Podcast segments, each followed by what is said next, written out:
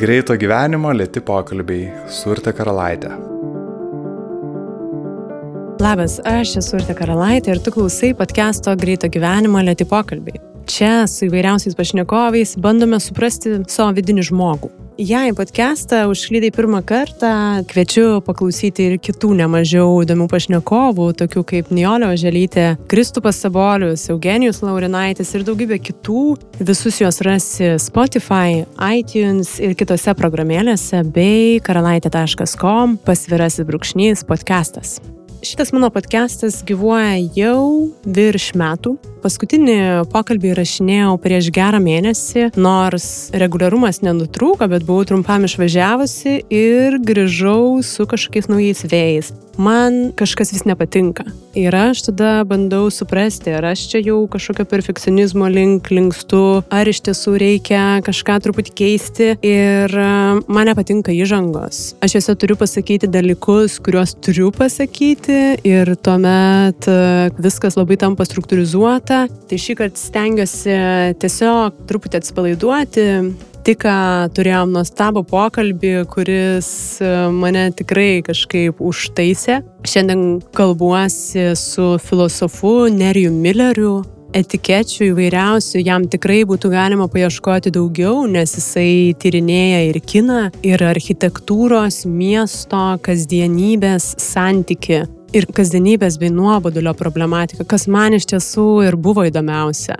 Bet mes kalbam ne tik apie tai, paliečiam šiek tiek e, vartojimo, laisvės, reklamos temas. Tai man šitas pokalbis tikrai labai vertingas. E, filosofų podcast'e jau netrūksta. Jie tikrai gali labai mums padėti kažkaip e, plačiai ir netikėtai gal pažiūrėti į tas mums įprastas situacijas, tokias kaip kasdienybė. Jeigu ir tu jauti, kad tau padeda podcastas kitaip žvilgtelti ir tas galbūt įprastas tavo situacijas, tai aš labai kviečiu prisidėti prie podcast'o gyvavimo tinkama kasmėnesinė suma ir tą gali padaryti patreon.com pasvirasis brūkšnys lėti pokalbiai. Labai džiaugiuosi, kad tikrai daug jau jūsų prisideda, bet tam, kad podcastas galėtų būti savarankiškas, turėti pakankamai lėšų, kad per mėnesį reguliariai išeitų du epizodai, dar jų šiek tiek trūksta, tai tikrai kviečiu prisidėti. Ir šį kartą prie tikslo padėjo priartėti Daiva Mangevičiane, Laura Žižmarenė, Emilija Pukelytė ir Gabija Cibienė. Labai jums ačiū merginos. Pokalbių garso kokybė kaip visada rūpinasi garso reklamos studija Drop Audio, o studija ir įranga dalinasi Vilniaus universiteto radio stotis Start FM. Šios radio stoties gali klausyti FM dažniu 94,2 Vilniuje arba internete adresu startfm.lt. Tai ačiū tikrai visiems, nes kai pagalvoji, tai tuoj bus pusantrų metų ir podcastas net ir be didelių lėšų kažkaip važiuoja su dideliu žmonių prisidėjimu ir įvairių organizacijų ir įstaigų. Tai labai fainai. Kadangi naujų vėjų tikrai jaučiu, kad trūksta ir vakar sutikau draugę, pasiskundžiau jai, kad man labai sunku yra dirbtinai sveikintis ir jinai sako, tai nesisveikink.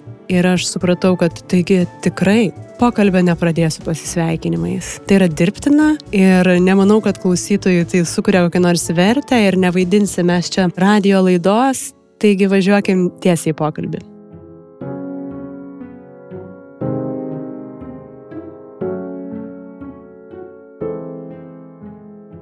Nusprendžiau šio pokalbio apie kasdienybę ir išėjimą iš kasdienybės proga nebedaryti dirbtinio pasisveikinimo, nes mes jau pasisveikiname, per metus su pusę nesugebu to dirbtinio padaryti natūraliai ir manau, kad niekas dėl to nesupyks.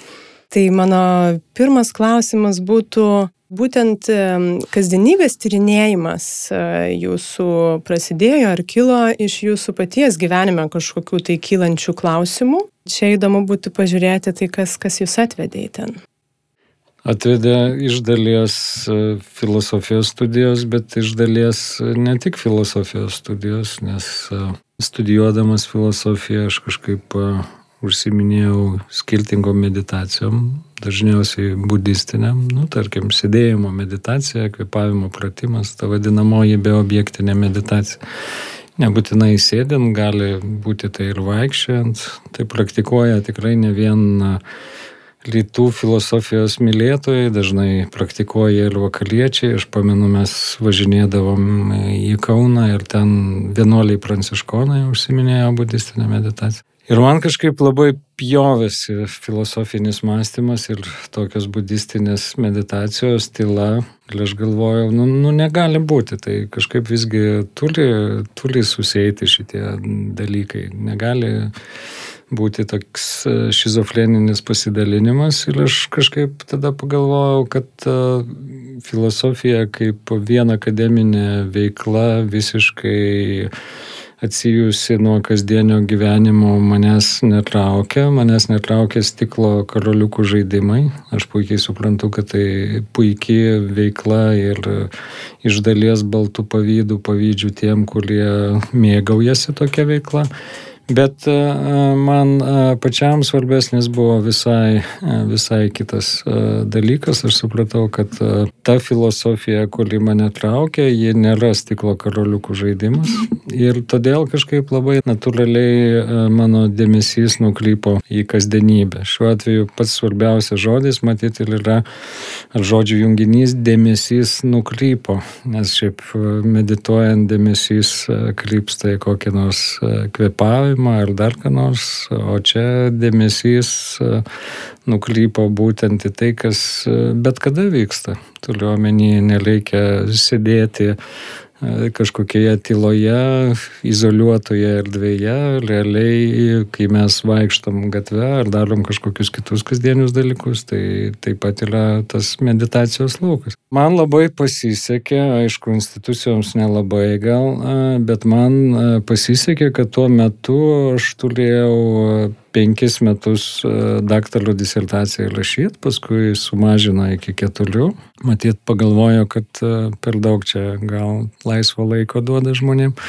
Bet per tuos penkis metus aš tikrai pakeičiau ir e, gal porą kartų temą disertacijos. Ačiū vadovui, kuris toleravo visą šitą mano ieškojimą ir galiausiai aš ir parašiau disertaciją apie kasdienybę, bet tai buvo, sakykime, toks pirmas bandymas. Tikrai net niekada nenorėjau to publikuoti, nes tai buvo toks žalias dalykas.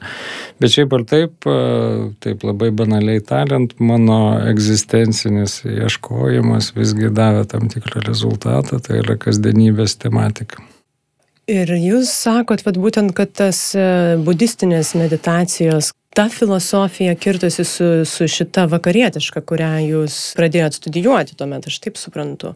Kokį esminį kontrastą, konfliktą jūs pajutote? Kontrastas labai paprastas yra savokinis mąstymas ir tarkim kokia nors tyla. Tai yra du, du skirtingi dalykai, nes kažkaip filosofija visgi su, su logos, tai yra su žodžiu ir su mąstymo veikla yra susiję. Tuo tarpu, tarkim, kokia nors beobjektinė meditacija atrodytų būtų kažkokia visiška priešybė. Aš tikrai nesu vienintelis, kuris ieškojo, kaip tai e, suderinti. Galima prisiminti mūsų kolegą vėlesnės kartos Alvido Šliogelį, kurisgi yra iš viso sakęs, kad jeigu Sokrato laikais būtų, pavyzdžiui, kokia nors fotografija, tai Sokratas būtų fotografavęs, e, nes jam reikėjo grynojo stebėjimo, jam galbūt netgi žodžių būtų nereikėję. Na, bet čia yra tokia šliogeriška versija, gal kaip žinote, jis vietoj fotografijos yra įsivedęs fotosofijos terminą. Ką tai reiškia fotosofija? Tai yra šviesos išmintis, ar ne, tai pažodžiui išvertus iš e, graikų e, kalbos. Tai čia yra tarsi toks natūralus būdas. Aš kada, kada studentiškais laikais, bakalauro, ne, ne doktorantūros laikais, dar labai daug e, žiūrėjau įvairių filmų, tai tada aš e, buvau pajutęs prieš priešą tarp e, savo kinio mąstymo ir, ir, ir vaizdo. Nes vaizdu gali irgi papasakoti daugybę dalykų, vaizdas labai puikiai dera su tyla, o savo kinio mąstymę nelabai lengva tarkim, sulesti ar ne tą reikiamą santykį tarp žodžio ir tylos, nors yra daug kas tai dalės, tarkim, koks tas pats šliogerio mokytojas Martinas Gaidegeris. Kasdienybės problematika. Kodėl ten iš vis yra problema? Kur jinai yra? Jeigu norit labai paprastai, tokia akloji zona. Nu, mes, pavyzdžiui, puikiai žinom, vairuojat mašiną. Būna. Būna, nu tai va, tai puikiai žinot, kad yra ta kloji tokia zona, Dabar, aišku, stengiamasi pačiose naujausiose mašinose jau visiškai ją sumažinti arba ten papildomas koks nors veikliudėlis dar būna, kad ją e, visiškai eliminuot, bet dažniausiai jos nepavyksta eliminuot. Tai štai e, kasdienybė filosofija visada buvo labai tokia specifinė akloji zona. Tai reiškia, kad visiškai šalia, tiek šalia, kad tarsi tu joje įlėsi iš principo, ar ne?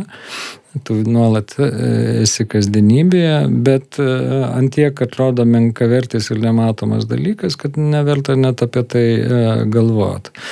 Ir filosofijos istorijoje yra daugybė tokių anegdotinių situacijų, būtent pabrėžiant mąstytoją kaip sėdinti stiklo karoliukų bokšte, ar ne, ir tada jo maždaug kasdienybė, kad jis yra toks beviltiškas toje kasdienybėje, kad galėjau tarsi apie tai net negalvotų. Tai, tai filosofija, klasikinė filosofija yra sugalvojusi daugybę įvairiausių naratyvų, kurie legitimuoja, kodėl ta kasdienybė yra tokia menka vertė ir kurie, kodėl apie ją iš viso neverta kalbėti. Nuobodulys dar smarkiai žaidžia kasdienybėje ir, ir turbūt ir toj pačioj meditacijoje jisai užklysta. Aš taip matyčiau, kad tai yra, na, mūsų įprotis veikti, kuris tarsi priešinasi tai tylai, tam, tam nebuvimui kažkokios veiklos. Ir čia gal norisi labai taip iš oro besti, ar tai nebūtų kapitalizmo ir socializmo tokio suformuoto žmogaus nuolat įveiklinto, veikiančio tam tikras šalutinis poveikis, nuobodulio nerimas. Dabar aš net nebežinau, kurį čia e, gabaliuką jūsų klausimo paimti, nes jis toks didelis ir ten tiek daugybė potėmių yra visokių truputį dalį įsivesiu polio terminų gerai, o tada prie jūsų klausimo, kokio vieno aspektėlio pereisiu, nes visko neįmanoma atsakyti. Yra vienas uh, toks uh, amerikiečių teoretikas, buvo Stanley Kevilas, kuris, mano manimu, labai neblogus terminus buvo įsivedęs. Jis kalbėjo ir sakė, kad kalbant apie kasdienybę, ten yra daugybė tokių smulkių dalykų, kad uh, žmonės dažnai taip mano, kad e, joje nėra jokių įvykių visiškai, ar ne? Tada įsivedė tokius du terminus, sako, mes apie kasdienybę galim kalbėti, tarsi būtų ji neįvykiška arba ji tarsi būtų beįvykiška. Nu, čia mano yra vertimai. Tai atrodo tarsi koks skirtumas, bet skirtumas yra radikalus, nes realiai e, kasdienybė nėra joks vakumas, ji negali būti beįvykiška. Aš esu susigalvojęs daugybę įvairiausių tokių pavyzdžių. Nu, tarkim, jūs skambinat man, klausit, nelėjau, ką veikė, aš sakau, pavyzdžiui, nieko, aš gal tuo metu brausinu ir Facebooką žiūriu, ar ne? Nu ką, aš, nu, nemeluoju, bet man atrodo tai antiek nereikšminga, kad, nu, net neverta paminėjimo. Tai tai nėra be įvykiška, bet tai yra neįvykiška. Reiškia, tai antiek toks smulkus dalykas, kad aš net negaliu jam suteikti įvykio statusą. Ir e, teorijoje, bet tokie neįvykiški dalykai yra vadinami e, situacijomis. Kasdienybė yra labai dažnai siejama būtent e, su situacijomis. Mes sėdame namie, kažką veikiame, bet tas kažkas neturi, sakykime, taip įvykio status. Tai e, žmonės linkia šiaip e, atimti iš kasdienybės tarsi kažkokį reikšmingumą, jie sako, čia iš viso įvykių nėra, o e, tai yra netiesa, nes ten yra situacijų. Ir tos situacijos gali būti ten labai labai tuliningos, bet žmonės šito nemato.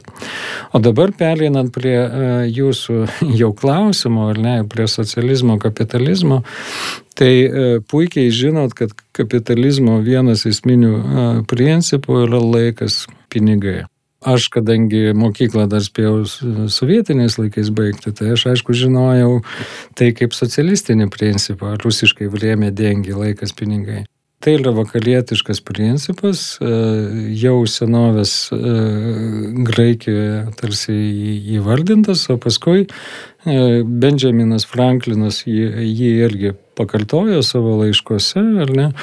Ir e, kas ten yra tada svarbiausia? E, svarbiausia yra tokio nešvaistytino e, laiko savoka, ar ne? Tarsi Benjaminas Franklinas pamokymuose, tokiuose didaktiniuose, tai, tai paminė. Tai reiškia, yra tam tikras naudingas laikas ir yra ir yra nenaudingas laikas, tai veiklaus e, žmogaus, kabutėse naudingo individo tikslas, aišku, yra tą laiką įveiklinti. Laikas turi tam tikrą piniginę išraišką. Ir jeigu iš tikrųjų taip yra, jeigu laikas e, yra pinigai, jeigu jis turi tam tikrą skaitmeninę išraišką, Tai e, aišku, tada visa sistema veikia taip, kad e, niekas e, to laiko pernelyg neįkvotų, arba jeigu eikvoja, kabutėse eikvotų naudingai. Na ir čia yra jau toks standartinis visiškai dalykas, kurį aš ir minėjau paskaitoje, kurioje jūs buvote, ar ne, jeigu kokiam XIX amžiui darbininkas išeidavo iš fabriko ir norėdavo ten kažką paveikti, tai tarsi prisigerdavo kur nors, ar ne, tarp urvartai arba dar a, kur nors, o paskui a, susikūrė vadinamoji industrija drink attainment arba entertainment, ta prasme, kad tie visi individai gertų ne tarpuvertėje, o gertų oficialiai kokioje nors kavinėje ir reiškia tada visiems kaip ir yra gerai ir neprisigelia dažniausiai iki žemės graibimo, bet kart dažniausiai bet kartu ir atneša pelną kavinės savininkui, ar ne? Tai reiškia, jis lieka šia prasme naudingas individas 24 valandas per parą. Tai štai tiek socializmas, tiek kapitalizmas yra naudingo individo konstravimo mašina, tik aišku, skirtingose sistemose, socializme ir kapitalizme tas naudingas individas buvo konstruojamas skirtingai žiūrint į kasdienybę, nuobodulį, rutiną, e, neišvengiamai matosi, kad ten yra pasikartojimas. Ir, ir tas turbūt e, žmogų, na, nežinau, ar, ar slegia, ar,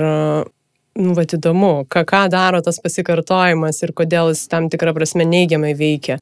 Kodėl būtent tas pasikartojimas žmogui netinka, nenori jisai jo, jis nori vis naujo, vis nuotikių kažkokių tai. Nu, maža ko nori tas žmogus. Nes e, yra puikiai tokia vieta viename iš Deliozo tekstų, jis ten e, ne, save, ne savo mintį formuluoja, jis e, cituoja vieną Biuchnelio pjesę ir sako tokį dalyką. Sako, nu va kaip va čia taip atsitiko, kokia yra tarsi e, keulystė, kad e, mūsų net ir fizinė konstitucija yra tokia, kad mes viską turim pakartoti du kartus. Nu, tarkim, vieną žingsnį žengia į priekį, ar ne su kairė koja ir tada jeigu tu eini, tai tu tą patį dalyką pakartoji su dešinė koja. Beje, e, budistinėje meditacijoje, vaikščiojimo meditacijoje, kuri dažnai su ta beobjektinė meditacija tiesiogiai yra siejama su sėdimąją, tai ten e, turi netgi visus tos e, segmentus išskaidyti. Pavyzdžiui, kojos pakelimas, kojos pastumimas į priekį, kojos nuleidimas. Ir taip ir važiuoji, važiuoji, važiuoji ir tai visada tas pats, tas pats, tas pats, tas pats, tas pats. Tai štai e, Dėliozas per Biuchnelį, Biuchnelio pagalbą ten fiksavo paprastą dalyką. Mūsų fizinėje konstitucijoje jau yra užprogramuotas tas pakartojimas. Bet tas pakartojimas e, yra milžiniškas spaudimas, sakykime, taip žmogaus sąmonė, nes jūs jau įvardinot, ne, kad dėmesys e, mūsų yra ribotas, jo galius yra ribotas. Jeigu tai yra kabutėse pakartojama arba to paties sfera, tai dėmesys natūraliai tarsi pasitraukia į kažkokią kitą, kitą vietą. Ir tai aš e, seniai esu ir, ir, ir savo įvardinęs, ir labai lengva surasti ir e, kitų teorinių šaltinių, kur apie tai e, kalbama, tai aš esu įvardinęs tai e, elementariais tokiais terminais. Jeigu yra pirmas kartas, tai yra intensyvumo zona, nu, pavyzdžiui, mes pirmą kartą sėdam ant dviračio, ar ne? Ir iš tikrųjų bijom, atrodo, kaip čia taip, ten e, rankos turi vairuoti, kojos minti, ta prasme kažkokia labai keista tokia kombinacija, pusiausvėlę reikia e, laikyti, bet e, mini, mini, mini, mini ir tai staiga tampa jau tokiu įprastų dalykų.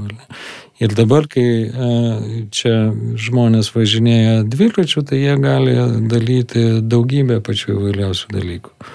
Jeigu ten ne gatvėje, o kur nors gamtoje ten klausytis muzikos ar jūsų laidų, tada kitur gali spoksoti į pasaulį arba kalbėti netgi telefonu, ką žmonės daro, ar ne. Tai e, reiškia, čia jau nebe intensyvumo zona yra, bet e, ekstensyvumo zona. Tai yra intensyvumo zonoje visas dėmesys yra nukreiptas į vieną dalyką, o ekstensyvumo zonoje žmogus gali dalyti daugybę dalykų.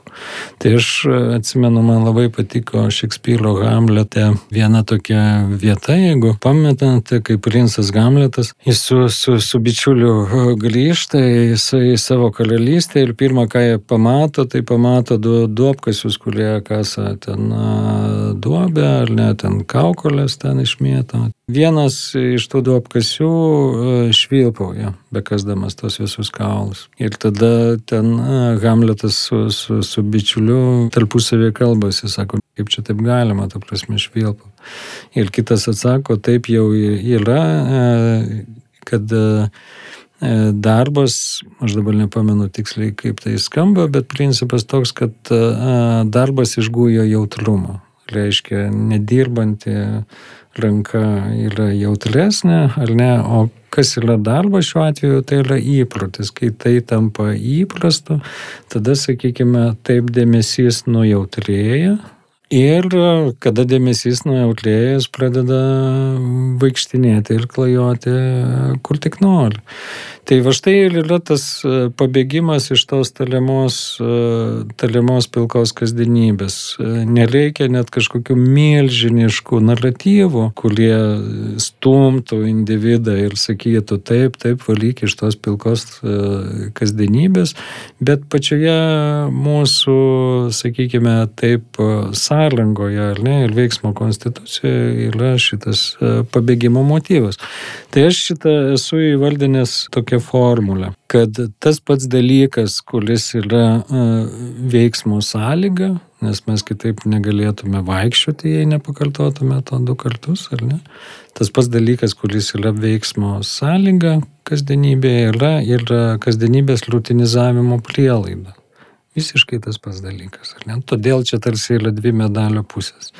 Rutina ir e, tariamas kasdienybės grožis yra visiškai panašus ir tarpusavyje kaip dvi medalio pusės susijęti dalykai. Dar noriu truputį parbėgti prie meditacijos. Dabar dar praktikuojate? Ne. Bet vis tiek turbūt atsimenat bet kuris, kuris yra bandęs e, tą laiką, kuomet vat, protas nurimsta ir ypatingai jeigu tylos aplink daugiau ir gal ne mieste ir garsų kažkokių tai mažiau, dėmesys krypsta. Na, jam, jam reikia kažką veikti, ar ne? Tai kaip jūs matot, va čia apie įprotį kalbėjot, ar, ar ten jūs pajutot, kad ilgainiui protas įprato ir būti čia, Ar, ar vis dar lygiai taip pat e, krypdavo? Na, aš tikrai nebuvau tiek toli pažengęs. Protas šokinėja, jis šokinėja pagal, pagal apibrėžimą, dėmesys šokinėja pagal apibrėžimą. Tai yra absoliučiai neišvengiama. Aš e, savęs lietoliškai e, klausdavau, lietoliškai nežinodavau tą atsakymą Bet tarkim, bandydavau savo tarsi juoko dėliai įsivaizduoti, kas būtų, jeigu žmonės galėtų dirbti vienu metu tik vieną dalyką. Kalbant Hamleto žodžiais, jeigu jų rankos ir visa kita būtų tokios jautrios, kad jie visada galėtų daryti tik vieną dalyką. Tai mes mūsų šitoje kasdienybėje negyventume. Ta prasme, mūsų kasdienybė yra sukonstruota taip, kad mes neišvengiamai turim daryti keletą dalykų vienu metu, tai yra turim multitaskinti, bet tas multitaskinimas yra įėjęs ant tiek e, giliai įsismelkęs į mūsų įpročius, o tame tarpe ir į kūną, kad mes to nepastebim. Kūnas nėra šia prasme mechaniškai inertiškas, kaip dar naujaisiais laikais mechanicistai galvojo, bet e, kūnas e, perimės yra daugybė tų vadinamųjų automatizmų, kurios e, reprodukuoja. Ir tuos automatizmus kartais netgi sunku yra pastebėti. Aš prisimenu tokią vieną labai paprastą istoriją.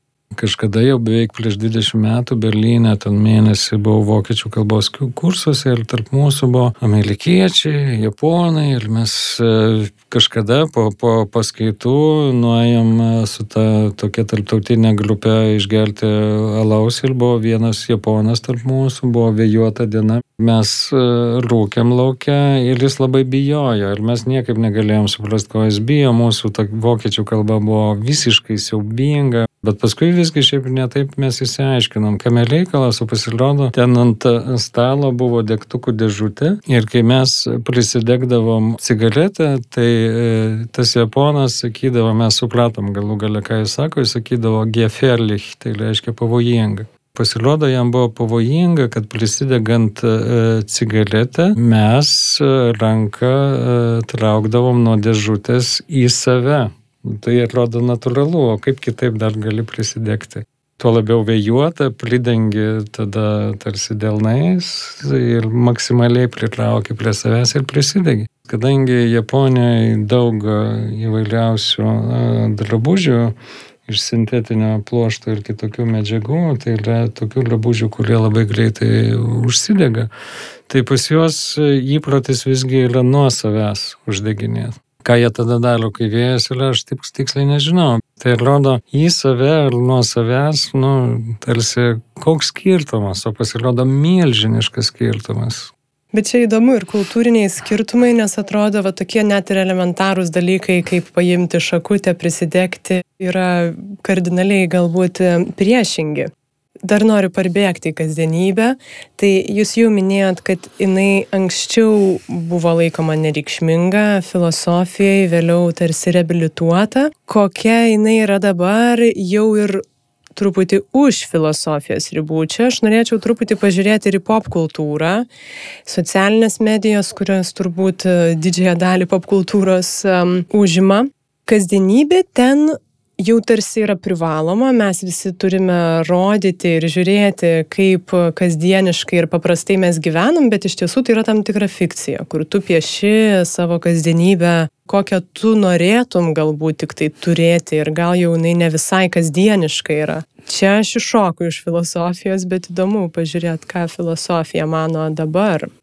Čia vėl yra dar vienas labai kompleksiškas klausimas. Tai, kad buvo atsigręžta į kasdienybę pačiose slityse įvairiausiuose, tai yra e, puikiai e, žinoma. Tarkim, XIX amžiuje miesto aprašymuose atsirado tokia rubrika - kasdienis maistas, kasdieniai rūbai. Nu, tarkim, važiuoji į Paryžių ir paskaitai, kaip paryžiečiai rengiasi ir kaip, ką jie įprastai, tarkim, valgo, ar ne? Tai mūsų jau savaime suprantama nebestebina, bet tuo metu tai e, buvo nauja tokia e, strategija, nes įprastai atrodo, kad turėtų aprašinėti e, visokiausi gidai ir miesto aprašymai, ką ten pažiūrėti, ar ne, pačius vertingiausius objektus, o pradėjo būtent atsigręžti į kasdienybę, į tokius nereikšmingus tarsi dalykus kažkokius. Bet tai tik vienas iš pavyzdžių. Tas atsigrėžimas buvo tikrai e, masinis. Toks autorius kaip Auerbachas atkreipė dėmesį, sako, anksčiau literatūra tikrai nerašydavo pačiu, apie pačius kasdieniškiausius dalykus. Ir sako, va 19 amžiuje ten pateikė Flobero ponę Bovalyvą, sako, atsigrėžiama į paties tarsi tokio žemiausio sluoksnio, visišką tokią rutiną, ar ne, ir pati savaime pradeda veikti kaip vertas aprašymo dalykas, nes žinom, kokia yra ponios Bavaly aprašymo technika, ten a, menkai kalbama tiesiogiai apie jos e, psichologiją, ponios Bavaly, bet jos e, psichologija labai subtiliai yra nusakoma būtent per kasdienę būtį jos pačios, ar ne? Tai e, tas atsigrėžimas buvo masinis, o 20-ojo amžiaus pirmaisiais dešimtmečiais net ir revoliucinis, tai yra dadaistai, surrealistai staiga pradėjo kovoti prieš e, klasikinį ir buržuazinį meną ir jie suprato, kad e, iš tikrųjų menas yra štai čia, toje pačioje kasdienybėje, tai yra tie vadinamieji lidameidai pagaminti daiktai Tai reiškia, kad nebūtina turėti neaišku, kokių ten lėšų norint pagaminti kažkokį meninį objektą, ar ne, nes iš tikrųjų meno terpė e, jie išsiplečia, jie peržengia muziejinės erdves ir jie įsilieja į tą kasdienybę. Čia yra dvipusis tas e, procesas, abipusės tai yra viena vertus e, kasdieniai daiktai tampa meno objektais, o antra e, vertus ir pati meno erdvė įsiplečia ir pati ateina į kasdienybę tas visas susiliejimas, sakykime, taip kasdienybės ir, ir kultūros plačiaja prasme jis senokai yra įvykęs, bet kas tada atsitiko, galima įsivesti dar du terminus, vieną iš kurių jūs jau minėjot. Frankfurto mokyklos filosofai tada pradeda kalbėti apie tą kasdienybę kaip apie tam tikrą kultūros industrijos lauką, ar ne? Tai yra kultūra, sakykime, taip anksčiau buvo elitinė, o tada jau vėlyvojo kapitalizmo laikotarpyje ji tampa tokiu masiniu dalyku. Ką reiškia masiniu dalyku? Jie ima gyventi pagal ekonominius principus. Tai reiškia, kultūros produktas turi būti toks pat standartizuotas, suvienodintas produktas, kaip ir daugybė kitų dalykų, kaip pagaminami fabrike batai arba švarkai arba kepų kepurės, ar ne? Televizijos laidos vienodos, franšizės vienodos, nieks dabar net nesislėpia, kad e, šokio laidos, tarkim, šou yra franšizės, kurios egzistuoja skirtingose pasauliuose. Ir e, Frankfurto mokyklos atstovai, jie savame suprantamai tą masinę kultūrą žiūrėjo labai negatyviai. Bet e, šalia masinės kultūros yra ir popkultūra. O tai ir jau truputį toks įdomesnis dalykas, kai kam popkultūra yra masinės kultūros, sakykime taip, išvestinė dalis. Bet kai kas, kaip toks autorius kaip Džonas Fiske, kaip tik sako, kad popkultūra yra maišto prieš masinę kultūrą zona. Ką tai reiškia? Tai reiškia, mes su jumis tikrai masinės kultūros negaminam. Tai yra net jeigu jūs kulite tam tikrą radio laidą, jūs visko negalit sulaužyti, kaip funkcionuoja tam tikri formatai, jūs įsiliejate ne, visą šitą infrastruktūrą. Bet ką jūs tikrai galite padaryti, jūs galite naudoti esamą infrastruktūrą savo tikslams pasiekti. Ir kartais tie tikslai yra visiškai priešingi, negu masinė kultūra deklaruoja. Tai Džonas Fiske šitą elementą išvystė pasiteikdamas prancūzo Mišelio Deserto kasdienybės sampratą. Mišelis Deserto sakė, kad mes kasdienybėje visuomet egzistuojam kaip tam tikroj taktinėje erdvėje taktinė erdvė yra tokia, kurios mes negalime priepti vienu įpu, mes negalime ją pasižiūrėti iš išorės. Kasdienybėje mes su jumis e, visuomet e, darome kažką ir veikiame tam tikroje infrastruktūroje, kurios mes, sakykime, taip nesukūrėm. Mes tai iš tai sėdim čia, yra ten e, podeliai, stalai, mikrofonai, technika, ar ne? Tai aš nei vieno iš šitų dalykų nesukūriau ir niekada nesukursiu. Aš viso šito nemoku. Bet aš galiu visą tai panaudoti. Taigi, kasdienybė, ta taktinė kasdienybė yra panaudojimo, sakykime taip, įvairiausių praktikų ir daiktų panaudojimo sfera. O čia jau atsiranda truputį toks įdomesnis dalykas. Taigi, Mišelis Deserto sako, kad mes naudodami daiktus galime kombinuoti pačias įvairiausias prasmes ir galim sukurti kažkokius rezistencinius tokius elementus, kurių tuose daiktuose savaime nėra. Na, jis ten pateikia ir medijų produktų pavyzdžius. Pavyzdžiui, sako, serialas Dalasas, tarsi rasistinis, maskulinistinis, net ir šovinistinis.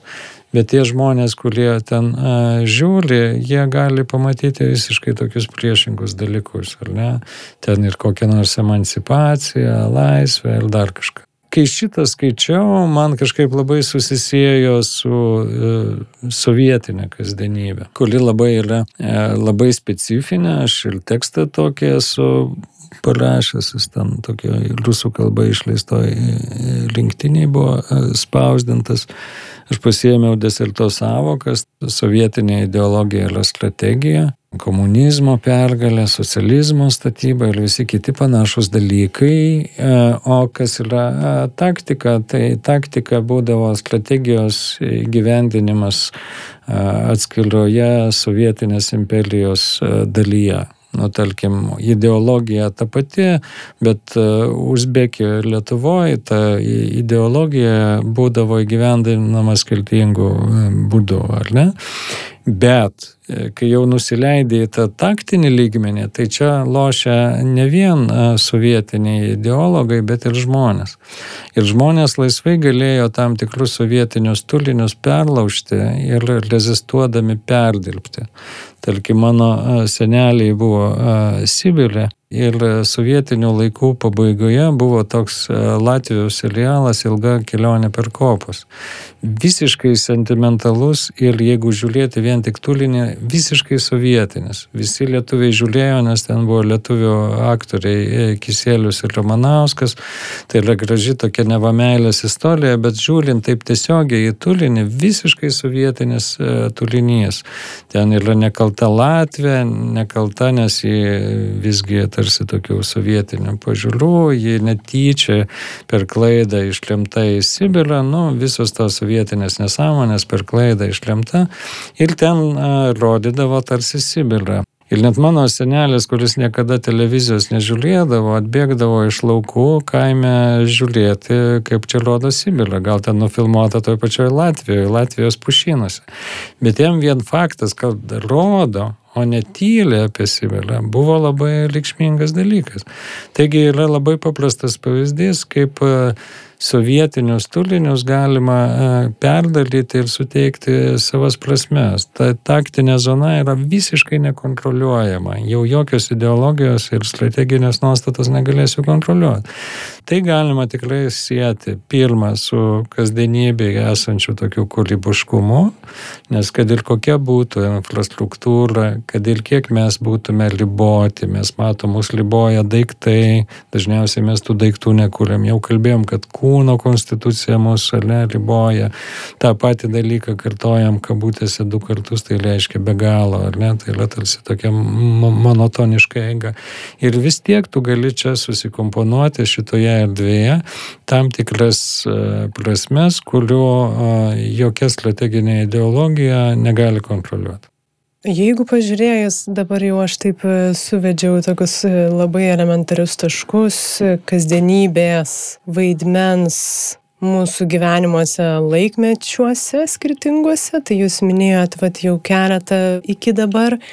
Ir čia man vis dar truputį įdomu pažiūrėti tas socialinės medijas, kur iš tos kadaise nereikšmingos kasdienybės jinai tampa ne tik reikšminga, bet ir aukštinama. Aš kalbu gal labiausiai apie vizualinį turinį, bet ir, na, žiūrint, kad ir į kažkokius tai populiarius asmenis, kurie gal net ir specialiai tą pižamą apsirengia ir susivelia, kad va, aš čia esu savo natūralioje aplinkoje. Kame čia tas aukštinimas atsiranda? Ar, ar čia yra nereikšmingi? Čia reikšmingi ir įvardinti tokie fundamentalūs pokyčiai, kurie realiai yra įvykę Na, kadangi mes apie kapitalistinę visuomenę dabar jau kalbam, ne, apie dabar kalbant, perinant iš e, gamybos e, kapitalizmo, industrinio kapitalizmo į postindustrinį arba vartojimo kapitalizmą. Tai aš ten pasitelkdamas kolegas, e, kurie apie tai ir rašė, esu susidėlioję savo tarsi tokią opozicijų lentelę. Nu, pavyzdžiui, industriniam kapitalizme svarbiausia buvo daiktai, o postindustriniam kapitalizme yra potiliai tai labai lengva fiksuoti va šitą perėjimą pasižiūrėjus į tokį dalyką kaip reklama. Tai yra kokios nors velniškos nuolaidos ar ne velniškai ten skani pica, dieviškas aromatas, nuodėmės vertas skonis. Atkreipkite dėmesį į tą žodyną, ne? toks mitologinis, religinis, toks milžiniškas, jau intensyviau neįmanoma prigalvoti, ne? kiek yra visokiausių tokių mitologinių prasmių ir aš uh, savo uh, tai įvardinu tokią formulę, kad industrinio kapitalizmo uh, tikslas yra uh, pamaitinti alkaną Žmonės ten kovoja dėl darbo sąlygų, dėl 8 e, valandų ten darbo dienos, 5 e, dienų e, darbo savaitės ir kitokių panašių dalykų. O postindustrinio kapitalizmo tikslas yra, kaip puikiai mes žinome, tai yra suintensyvinti vartojimą, tai reiškia pamaitinti sotų senais e, laikais e, buvo tokia reklama, nu, senais turiuomenį kapitalistiniais, bet gal aš jau buvau baigęs arba dar studentas, nepamenu. E, buvo tablečių nuo pagilių reklama. Toje reklamoje dalyvavo dabar gerai žinomi žmonės. Tai yra Deivis su savo žmona, mes žinom, kad daugiau skirtumas jau toks skirtingas. Ir ten maždaug prasmė buvo tokia, kad jeigu jis ne, neišgelio tos tabletės ir tada jo žmona jį parsineša namo. Nu, ką tai reiškia, jeigu vyrukam, kaip merginos, tai supranta, aš nežinau, bet aš iš savo tada pozicijos žiūriu, maždaug man žinutė tokia yra siunčiama. Jeigu nevartosi ar netų tablečių, tai būsi molis ir toks lūzelis, kad tavo mergina turės tave nešti namo. Tai jei nenori susimauti, pirk ir gerk, ne? Ir tada įdomu yra jau rimčiau tada pasižiūrėti, kaip ta grandinė visai įsiplečia. Sakykime taip, jeigu negeri to, tai išeini ir pagal uh, savo skrandžio tūlį ir gelimo pajėgumą išgeli, nu ką žinau, keturis, penkis bokalus ar dar kažkiek, kiek tu ten galvoji, kad gali išgerti. Bet metadoksilas yragi geriamas prieš gelimą. Tai reiškia, tu geli, tu kažkodėl Nors iš tikrųjų labai aišku, kodėl pagalvoji, kad gali dar daugiau išgerti, negu įprastai išgertum. Ir aišku, Lietuvoje tau yra prastai ir dar išleidai pinigų kažkam, kokiem nors vaistam ar neaišku kam.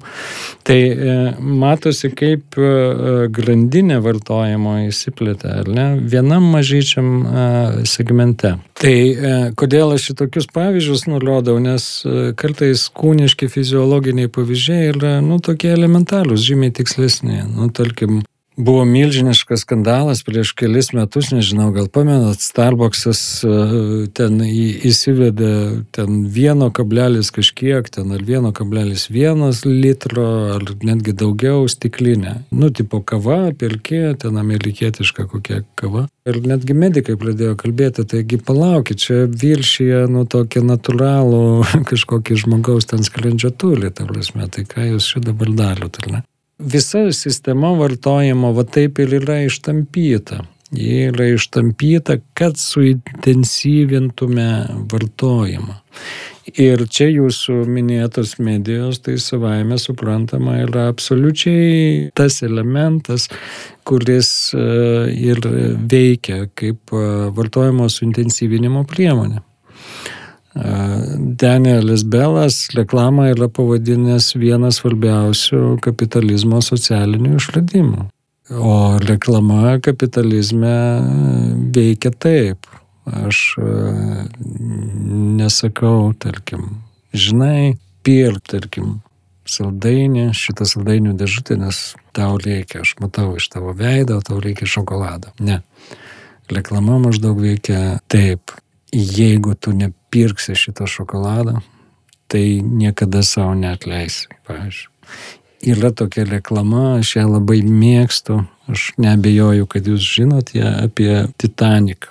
Nežinau, matėt gal tą reklamą, vokietis e, prisėda prie radaro ir kapitonas jam parodo, va čia sako, vasos yra signalas, tipo, jeigu ką tu lieko menį, kapitonas ten nueina ir e, tada vokietis sėdi ir irgi girdi jau tą pagalbos šauksmą, meidai, meidai, ten we're sinking ir jis labai gerai konstruodamas e, tada savo kalbą sako, what are you thinking about? Ir čia yra vinis, čia labai yra gerai e, pagautas tas principas, kokia yra žinutė, ar ne šitos reklamos.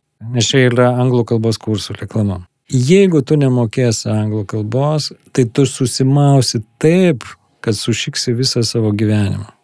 Ar ne? Tai yra galbūt ir Titanikas dėl to paskendo kad e, kažkas e, vietoj e, to, kad suprastų mes kestam, suprato mes galvojam, ar ne, ir klausia, apie ką jūs čia galvojat, ar ne.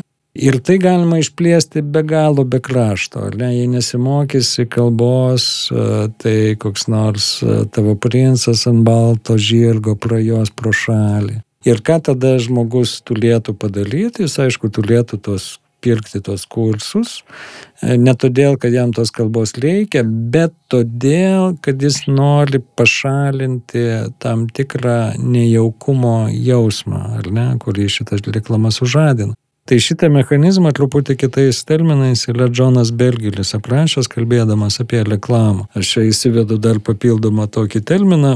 Visada šalia kasdienybės yra, toje pačioje kasdienybėje yra kontrafaktinė kasdienybė. Kas galėtų atsitikti? Mes dabar su jumis čia kalbam galėtų ar ne nukristi, ten kokia nors lempa, siena, plokštė galėtų štai šitą ant jūsų galvos nukristi, ar negalėtų? Aišku, kad galėtų. Deja, tai e, atsitinka. Bet jeigu mes apie tai galvotume, mes negalėtume čia sėdėti, ar ne? Arba jeigu sėdėtume, tai kažkaip būtų nejauku, sakytume, nu gal greičiau baigiam šitą pokalbį ir, ir, ir bėgam savo e, reikalais. Tai reklama eksploatuoja būtent tokius kontrafaktus. Nesimokysi anglų kalbos, susimausi taip, kad dėl tavęs ten tūkstantis ar šimtas žmonių paskęs ir savo niekada neatleisi, ar ne?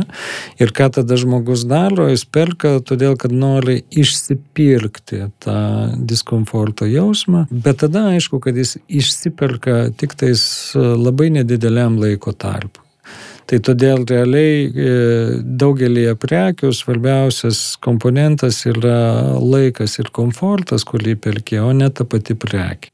Ir čia vis jūs mane tempėt į tą slytį, o aš noriu tą bendresnį kontekstą nurodyti, bet čia ir yra kaip veikia medijos, ar ne? Nes e, medijos yra, sakykime taip, tokio naudingo, e, sėkmingo, individo konstravimo mašinėlė, ar ne?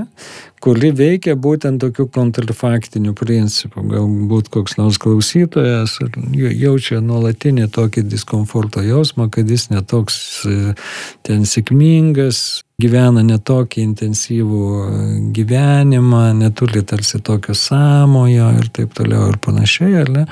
Bet vartodamas e, to medijos e, ir reklamos industrijos mėtomus produktus, jis visada tarsi jaučiasi toks up to date, šiek tiek sudabartinantis, ar ne, savo gyvenimą, žengiantis koja kojon, ar ne, su visų tarsi pasauliu. Visa mašina vartojimo yra tokia intensyvi, kad jie iš tikrųjų konstruoja tam tikrą vartojimo ritmą ir čia anksčiau Lietuvoje žmonės žiūrėdavo į, į kokius nors amerikiečius, kur nors New York'e ar kur nors kitur per naktį stovinčius prie a, naujo iPhone'o, kai tik jį išmeta ir galvodavo, kokie durneliai ir kvaileliai, ar ne? Bet labai psichologiškai aišku, kas, kas vyksta, ar ne? Tai yra vartojimo ritmas yra užkoduotas ir visa sistema veikia taip, kad jeigu tu tarsi truputį atsilieki, tai pradedi jausti diskomforto jausmą, iš kurio neva tik gali tik išsipirkti. Arba tada sakyti, kad ne, ne, ne, aš niekada nieko nebevartosiu, bet tai yra absoliučiai neįmanoma. Ir visa sistema traukia taip, kad tu turėtum eiti kartu su užduotu ritmu. Čia prie to paties vartojimo, tuomet dar norisi grįžti prie laisvalaikio. Ir per tą pačią paskaitą buvau jūs minit, kad laisvalaikis irgi yra kapitalizmo įsuktas į tą patį mechanizmą. Ir kaip galima būtų pažiūrėti, kada tuomet žmogus šiandien gali laikyti save laisvu jeigu jis visą laiką yra vienaip ar kitaip įsuktas ir jūs sakot, kad vat, nevartoti nėra visiškai įmanoma, tai tada ar yra toks dalykas kaip laisvė iš viso? Aš manau, kad uh, tikrai yra ir man tikrai labai patinka Mišelio Deserto pozicija. Deserto atkreipi dėmesį į paprastą tokį a, dalyką, kad ir kiek būtų užduotos gyvenimo sąlygos strategiškai, vis tiek taktiniam ligmenį mes galim susikombinuoti savo prasmes. Tai deserto ten mini tokį prancūzišką posakį siūti perukus, kas prancūziškai reiškia E, darbo metu naudotis e, darbdavio suteikiamomis darbo priemonėmis ir e, tuo laiku, per kurį tarsi darbdaviai turi dirbti, bet iš tikrųjų dirbi ne vasau. Ir jis sako, čia yra kasdienybės tarsi principas, nes infrastruktūros mes nesukūrėm, bet kartu praktikuodami tą infrastruktūrą mes susikombinuojame savęs prasmes. Tai ką čia norit, tą galit ir sakyti.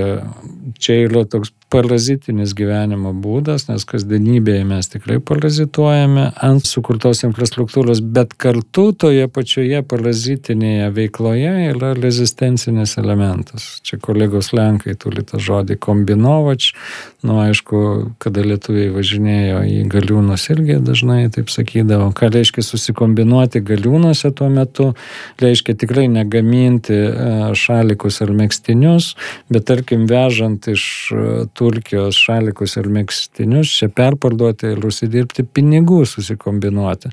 Tai reiškia, čia nėra jokios gamybos, šitas žmogus nieko nesukuria, ar ne? Bet jis e, sukuria tam tikrą kainos skirtumą. Tas skirtumas ir yra labai gražus elementas, kuris e, glūdi kasdienybėje. Čia estų kolega Leinas Laudas Ten labai seniai buvo tokia konferencija apie kasdienybę ir jis prisiminė tokią situaciją, kad jis buvo vienoje iš lietų šalių, nepamenu, Tailandė ar, ar kur, ar Taivanėje ir ten vaikučiai turgoje pardavinėjo būdas, ten kažkokius molinius ir, ir jis jau taip net laikė, kad vieną nusipirko Ir toliau jie kimba, nors jis ką tik nusipirko vieną ir, ir jis jau sako, žiūrėk, I already have the same, aš jau vieną tokią turiu. Tai sako, tas vaikutis pasižiūrėjo, pasižiūrėjo, taip nustebo ir pasakė, same, same, but different. Ir, ir Leinas taip ir pavadino savo, savo tą pranešimą apie kasdienybę, same, same, but different. Čia tas pats, viskas sueina dabar į vieną katilą, kaip mes kalbėjom monotonija pasikartojantis veiksmai, žengia vieną koją, antrą, trečią, same, same, but different. Čiagi tikrai yra visada skirtingi dalykai, tai niekada nepasikartos. Tai yra visiška tokia banalybė, mes puikiai žinom, kad tai nepasikartos, bet tai atrasti yra labai faina ir nuostabu prie laisvės kaip konstrukto medalio pusių norisi tada prišokti. Tai ar visgi žmogus turi tą prigimtinę laisvę, ar tai yra suformuota kažkokiu tai sistemų? Aš gal net ir termino prigimtinė laisvė nevartočiau, bet e, tikrai ką mes e, pirmą surandam dabar, e, tai aišku, mes surandam sukonstruotą ir suformuotą laisvę. Tai reklamoje, jeigu žinot reklamos istoriją, tai žinot, ten išskirtinės reklamos e, kompanijos būdavo, tarkim, moterim skalbimo mašina ir būdavo sakoma, net pirk skalbimo mašiną, nes sakom, kad vartojimo kapitalizme daiktai nesvarbus, o pirk laisvę. Ką tai reiškia pirk laisvę? Duodama suprasti, kad kai nusipirksi skalbimo mašiną, įmesi ten e, rūbus, e, per tą laiką galėsi nevadalyti kažką kitą, nes nereikės rankom ten blom. Toliau ten garsiosios ar ne reklaminės kampanijos moteriam cigarečių, supras, kad tai yra jau visiškai tokia nepriklausoma veikla, ar ne špyga maskulinizmui ir taip toliau, kad ir moteris yra savarankiška, gali daryti, ką ji nori, ten džinsų reklamos moteriam ir, ir taip toliau ir panašiai. Tai e, čia yra tokie atpažįstami, sakykime, taip atvejai, kada manipuliuojama laisvė, sako sakoma, pirk laisvę. Bet iš tikrųjų visa sistema yra sukonstruota taip, kad tie laisvės produktai yra nuolat pardavinėjami, ar ne? Pasižiūrėjus taip atidžiau į visą tą žodyną. Tai yra įsilaisvink iš to, įsilaisvink iš to, pir kokią nors kelionę, įsilaisvink iš rutinos. Laisvės žodynas veikiausiai yra kaip ir kokio seksualumo vienas labiausiai perkrautų žodynų, į kurį nuolat yra keltama ir nuolat į tai apeliuojam. Jeigu tai nėra net įvardinta, tai vis tiek veikia, sakykime, taip potekstė. Ką tai reiškia? Tai reiškia, kad vartojimo sistema veikia taip, kad e, yra sukonstruojamos e, dvi priešybės. Sakykime, vartojimo sistemai labai naudinga konstruoti pilką kasdienybę ir įsilaisvinimo iš kasdienybės e, būdus. Tai yra tikrai labai labai palanku, nes tai yra visiškas uždaras ratas. Kuo daugiau kabutėse išsilaisvinimo būdų, tuo ta kasdienybė pilkesnė ir tuo daugiau tu vartosit. Tai yra jau seniai pastebėta, kad e, sistema visuomet konstruoja e, rezistencijos e, savo pusę. Kodėl? Nes tai sistema yra tarsi naudinga, nes toks konstruktas jis tos sistemos negali apveršti. Nežiūrėk ten teliko, ten maždaug dar kas nors, išmesk teliką ten ant, ant žemės ar ne, iš, per langą ir dar ką nors, nu tai išmesi, vartosi kitus dalykus, šiais laikais nebereikia jokio teliko, kad būtum vizualinių srautų uh, vartotojas. Taigi čia yra tokia uh, sukonstruota uh, slitis. Man labai patinka susirasti kažkokį tokį pavyzdį, kuris kalbėtų pats savaime. Tai, tai aš pagalvojau, kad gerai labai skirtumą tarp industrinio kapitalizmo ir postindustrinio kapitalizmo nusako tokia specialybė kaip gyvenimo būdo vadybininkas. Kas yra visiškai neįmanoma industriniam kapitalizme. Gyvenimo būdo vadybininkas jis mums sako, kad mes kaip vartotojai esam pradinukai, aborigenai. Mes negalim patys vartoti. Mums reikia eksperto, kuris mums dabar paaiškintų, kaip mes turėtume realizuoti savo laisvę. Ir štai ateina gyvenimo būdo vadybininkas ir mums ten pasako, ne, koks yra stilingas vartojimas. Nesuprask, jeigu tu nevartoji maždaug stilingai, tai tu apskritai nerealizuoji savo laisvės, o jis tau paaiškins maždaug kaip tai padaryti. Tai vėlgi čia yra toks primityvus, mes tiesiog įvardintas, bet e, labai aiškus konstruktas, e, kaip sistema e, formuoja savo priešybę. Sistema visuomet formuoja pasipriešinimą sistemai kaip savo priešybę. Vėl, ko čia yra patogus deserto, aš jį nurodau ne todėl, kad kad mėgčiau labai nuo teorijų eiti kabutėse prie praktikų, apskritai mane ta perskelė tarp teorijos ir praktikos uh, neįtikina. Paprasčiausiai, kad greičiau tai, tai, tai paaiškint. Suformuotoje rezistencijoje visuomet yra nesuformuotos rezistencijos potencialas. Tai yra net jeigu laisvė yra tam tikras konstruktas, visuomet gali apversti tą konstruktą ir jį pradėti tam tikrus elementus, pradėti e, praktikuoti e, tokiu būdu, e, kurie sistemoje yra ne, neužduoti. Tai tiesiog yra tiesiog absoliučiai neišvengiama. Tik tiek, kad aišku, galbūt žmonės labai dažnai tokios net ir galimybės nemato. Jeigu bandai pabėgti iš pilkos monotoniškos kasdienybės, tai kokiu būdu tu toje kasdienybėje tą maišto potencialą surasi? Niekaip tai neįmanoma. Prigimtinė laisvė, jūs atmetate terminą, ar čia yra ta kita medalio pusė, ar, ar nenorit ten? Ne, aš terminą atmetu, man, nu, kaip jis nieko nepasako, man tokie visiškai artimi, organiški yra maišto, rezistencijos, partizaninės veiklos ir kiti panašus tokie terminai. Supratau, bet jūs neneigiat, kad, na, žmogus kaip gyvulys, jisai turi kažkokį tai poreikį, nežinau, uždarytas į narvą, bandyti iš jo išlysti. Nu, čia jūs jau tokius labai aktyvius terminus vartojat, yra Raicho visa ta programa išlaisvink savo seksualumo gyvulį iš savęs. Žodžiu, čia irgi galėtų būti tokie konstruktai, ar ne? Suprask, vitališkumas, civilizacija mus pavergia, bet viduje mūsų, nu kaip yra sakoma, kiekvieno mūsų viduje, net ir kokie mes čia būtume jau suaugę, yra mažiukas berniukas, maža mergaitė, tai sako kai kas, kad yra gyvulys, tokia gerąją prasme, reikia duoti jam pasiganyti ir taip toliau. Tai čia žinokit, irgi konstruktai. Gerai, mes paliksim gal kitiem pokalbėm, čia dar penkias temas užsirašau. Tai man atrodo, kad šį kartą ačiū ir turbūt palinkėsiu gal laisvės nuo laisvės. Ačiū. Ačiū visiems, kad klausėtės, tikiuosi nepasiklydot, nes ir aš kartais klaidžiau daugybėje nerijaus minčių sluoksnių. Man tikrai tą informaciją kartais būna sunku suprasti, nes ne visus šaltinius žinau ir net ne visas teorijas galiu pabandyti bent suprasti, bet e, viskas tvarkoje, mes esam pakeliu ir vien tai, kad truputį judinam savo smegenis kartu, man atrodo jau labai faina.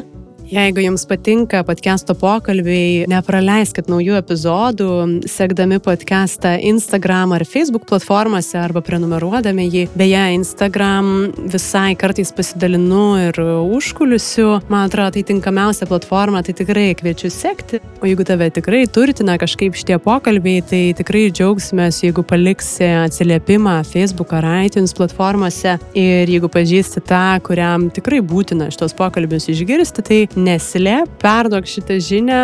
Labai norėčiau, kad e, podcast'o pokalbiai tikrai pasiektų ausis tų žmonių, kuriems jie yra aktualūs. Tai tik priminsiu, kad prie podcast'ui kurti reikiamos sumos dar tikrai šiek tiek trūksta lėšų ir jeigu gali, tai prisidėk, kiek jau tau išeina. patreon.com pasvirasis brūkšnys lėti pokalbiai. Pokalbis įrašytas Vilniaus universiteto radijos stoties Start FM studijoje, kurios gali klausyti Vilniuje FM dažniu 94,2 ir internete adresu startfm.lt. Ačiū visiems, kad priimat mane ir podcastą su visokiausiais naujais vėjais ir nepamirškim kažkaip atidžiau ir akiliau stebėti savo laisvės. Su jumis buvau aš, Urte Karalaitė ir podcastas Greito gyvenimo lėti pokalbiai. Iki kitų kartų.